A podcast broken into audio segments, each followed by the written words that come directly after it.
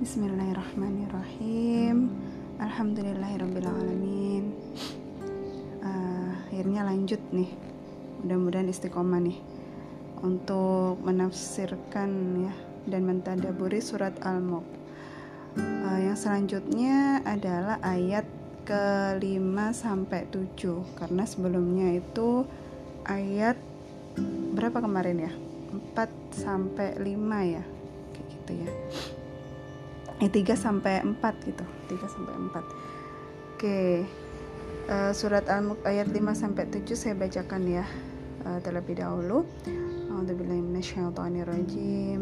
Bismillahirrahmanirrahim Walaqad zayyanna as-samaa الدنيا بمصابيح وجعلناها رجوما للشياطين وأعددنا لهم عذاب السعير وللذين كفروا بربهم عذاب جهنم وبئس المصير. إذا ألقوا فيها سمعوا لها شاهقا وهي تفور. صدق الله العظيم. Dan sungguh telah kami hiasi langit yang dekat dengan bintang-bintang dan kami jadikannya bintang-bintang itu sebagai alat-alat pelempar setan dan kami sediakan bagi mereka azab neraka yang menyala-nyala. Insya Allah. Dan orang-orang yang ingkar kepada Tuhannya akan mendapat azab azab jahanam dan itulah seburuk-buruk tempat kembali. Apabila mereka dilemparkan ke dalamnya, mereka mendengar suara neraka yang mengerikan sedang neraka itu membara, membara atau menggelegak seperti itu ya. Ya Allah, Jadi ayat pertama ini memberikan informasi bahwa diciptakan bintang-bintang itu untuk menghiasi langit gitu ya. Jadi seakan-akan di sini tuh ada dua fungsi bintang gitu ya. Yaitu masobih tadi ya bintang itu menghiasi langit sama adin ya dan alat pelempar setan rujumal syayatin gitu ya akan tetapi uh, ketika saya melihat di beberapa artikel ya mengacu pada hadis riwayat Kotodah yang dikutip Al-Tabari Ibnu Kasir dan Az-Zuhaili bintang memiliki tiga fungsi. Ini juga saya dengar dari Ustadz Firanda juga ya. Beliau uh, apa namanya memahami bahwa bintang itu ada tiga fungsi. dua fungsi yang sebelumnya yang disebutkan tadi kan yang pertama menghiasi dunia kemudian yang kedua untuk melempar setan dan satu lagi adalah untuk memberi tanda alam di daratan dan lautan gitu ya. Jadi kalau misalkan uh, kita tahu ya nelayan itu zaman dulu sebelum ada mungkin kompas Google Map gitu ya uh, itu uh, mengetahui arah itu dari bintang seperti itu ya rasi bintang gitu ya macam-macam gitu ya jadi Masya Allah ya ternyata bintang yang diciptakan itu tidak hanya sebagai pemanis gitu ya. Tidak hanya sebagai penghias. Karena kalau di, ke langit malam hari gitu ya, cuma ada bulan aja tuh kan cuma satu tek gitu biasa ya. Tapi kalau banyak bintang itu kayaknya indah gitu ya Masya Allah. Tapi juga ternyata oh, Masya Allah ya berfungsi sebagai uh, apa namanya itu pelempar setan yang suka mencuri-curi dengar gitu ya. Uh, Dulu gitu ya uh, saya mendengar ya ini uh, cerita dari Ustadz Firanda ya bahwa zaman dulu ya masih zamannya uh, Nabi Muhammad itu yang namanya setan itu sangat apa namanya itu banyak sekali yang ingin mencuri dengar gitu ya. Jadi informasi-informasi zaman dahulu itu ya para nabi dahulu itu bahkan uh, zamannya Musa zamannya Nabi Musa gitu ya zamannya Fir'aun itu kan sering uh, memakai dukun untuk melihat dan meramalkan apa namanya itu masa depan kayak gitu ya. Nah itu banyak banyak banyak benernya karena memang uh, dulu itu apa namanya itu sangat banyak sekali setan yang apa namanya itu berusaha untuk mencuri dengar gitu ya. Uh, tapi lebih ke sini lagi itu setan itu banyak salahnya karena sudah banyak yang sudah dilempari seperti itu ya gitu jadi lama-lama kan uh, mereka paham bahwa uh, taruhannya itu ya apa namanya itu mungkin rasa sakit gitu ya. Dilemparin kan sakit mungkin ya. Nggak nggak kebayang gitu ya bintang itu yang segitu besarnya gitu dilempar gitu ya.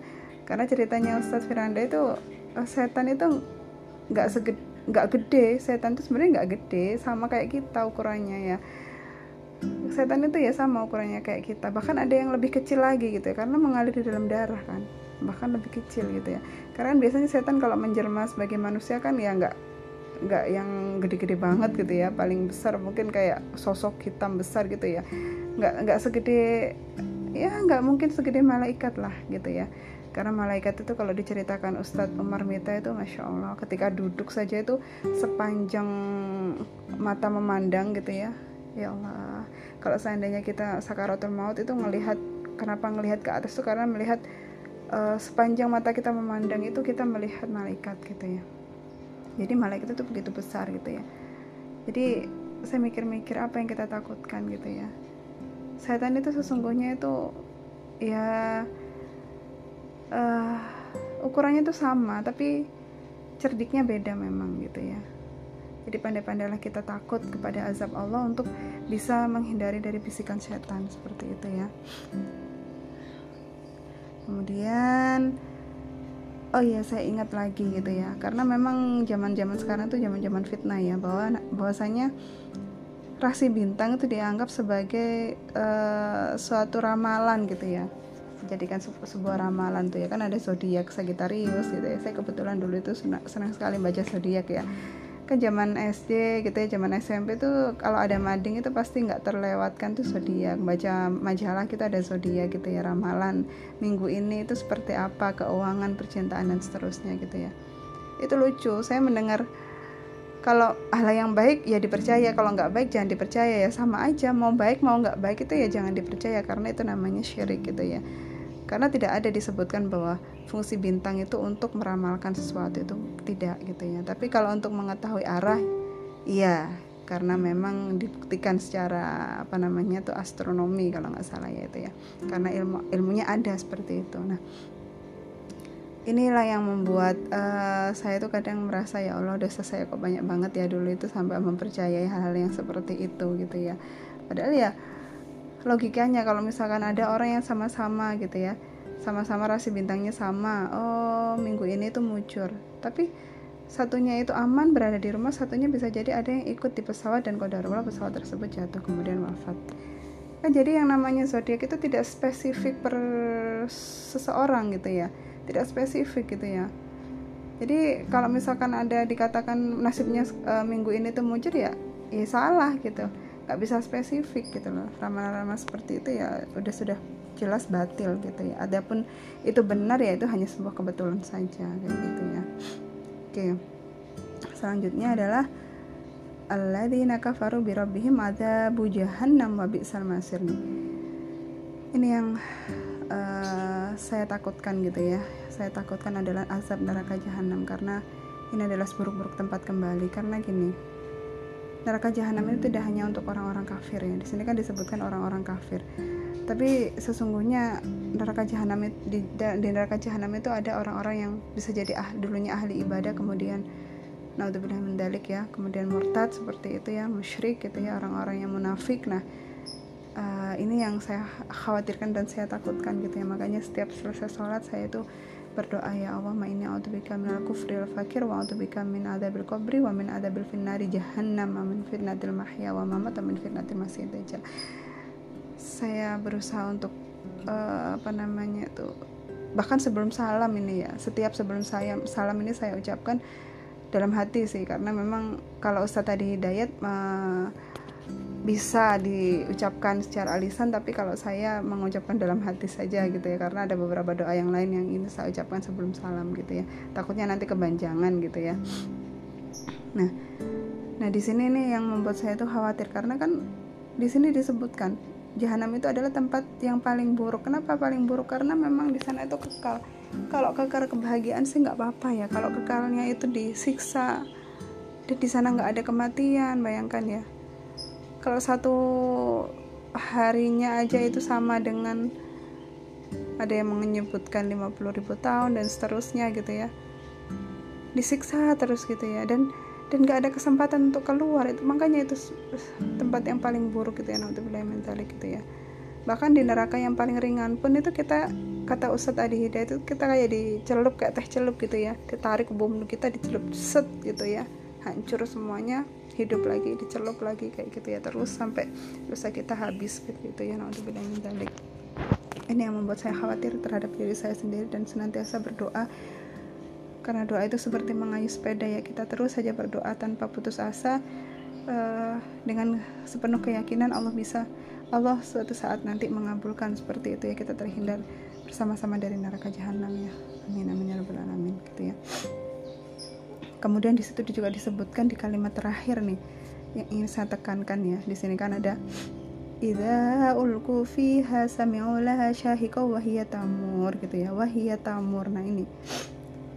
Sedangkan neraka itu menggelegak ya jadi kalau misalkan neraka itu cuman panas apa namanya tuh kan kalau apa namanya kita melihat api membara biasa itu hal yang biasa. Tapi kalau sampai menggelegak itu uh, di sini disebutkan yaitu Asauri mengatakan bahwa neraka itu mendidih membakar mereka seperti kita itu lagi merebus biji-bijian di dalam air yang banyak. Jadi air yang banyak biji-bijiannya itu kayak uh, lagi ngerebus apa ya apa namanya biji kacang hijau kan blok blok blok blok gitu ya menggelegak gitu. Seperti itu jadi kayak menyambar nyambar gitu ya. Seperti itu nyalanya neraka itu ya Allah gitu ya. Kalaulah itu uh, batu yang sedikit dari neraka aja dibawa oleh burung uh, ababil gitu ya untuk melawan pasukan gajah. Langsung sampai tembus dan gajah yang sebegitu gedenya itu langsung berlubang dan kemudian mati bergelimpangan. Nah bagaimana kita? Seperti itu ya. Itu yang saya yang membuat saya memang memang ketakutan akan hari di mana saat kita setelah wafat itulah yang membuat keimanan kita semakin bertambah. Karena itu memang suatu ketakutan yang harus dibangun gitu ya. Karena kalau itu nggak dibangun udah kita pasti akan tersengah dunia dan pasti akan terlena seperti itu ya. Jadi intinya inti dari tiga ayat ini adalah di balik penciptaan itu ada bintang gitu ya tidak terkecuali bintang ya. Karena karena ada langit ya sebelumnya kan langit yang tujuh ya. Di sini disebutkan bintang untuk untuk ayat 5 sampai 7 ini bintang Allah itu menyelipkan kandungan gitu hikmah. Bahwa Allah itu sebegitu apa luar biasa sayangnya rahmannya gitu ya. Bahkan yang awalnya untuk menghias saja itu hikmahnya banyak sekali untuk melempar untuk uh, mengetahui arah gitu. Semua dianugerahkan agar manusia itu mendapatkan manfaatnya gitu ya. Jika kehendak tersebut itu ya sesuai dengan ridhonya Allah ya maka akan lapang gitu jalannya. Jadi makanya kita nggak usah kita mencari-cari sesuatu yang membuat Allah itu tidak ridho gitu ya. Kita kejar ridhonya Allah gitu ya. Agar kita mendapatkan pahala yang berlipat ganda dan untuk mendalik ya. Sebaliknya kalau misalkan kita ingkar gitu ya sungguh azab Allah itu sangat pedih gitu ya. Kenapa disebutkan pedih bukan sakit gitu ya? Karena pedih itu lebih lebih lebih lebih dari sakit gitu ya kan? Pedih gitu ya. Sakit kan cuma nyeri gitu ya. Kalau pedih kan aduh benar-benar pedih gitu ya. Sampai sampai mungkin teriakan yang begitu histeris gitu ya saking pedihnya itu ya nah untuk balik semoga kita senantiasa gitu ya dimunculkan rasa takutnya untuk untuk terus memupuk keimanan kita gitu ya. Baik saat keimanan kita tinggi maupun keimanan kita sedang turun seperti itu. Allahu alam bisalab Allahu alam bisawab Assalamualaikum warahmatullahi wabarakatuh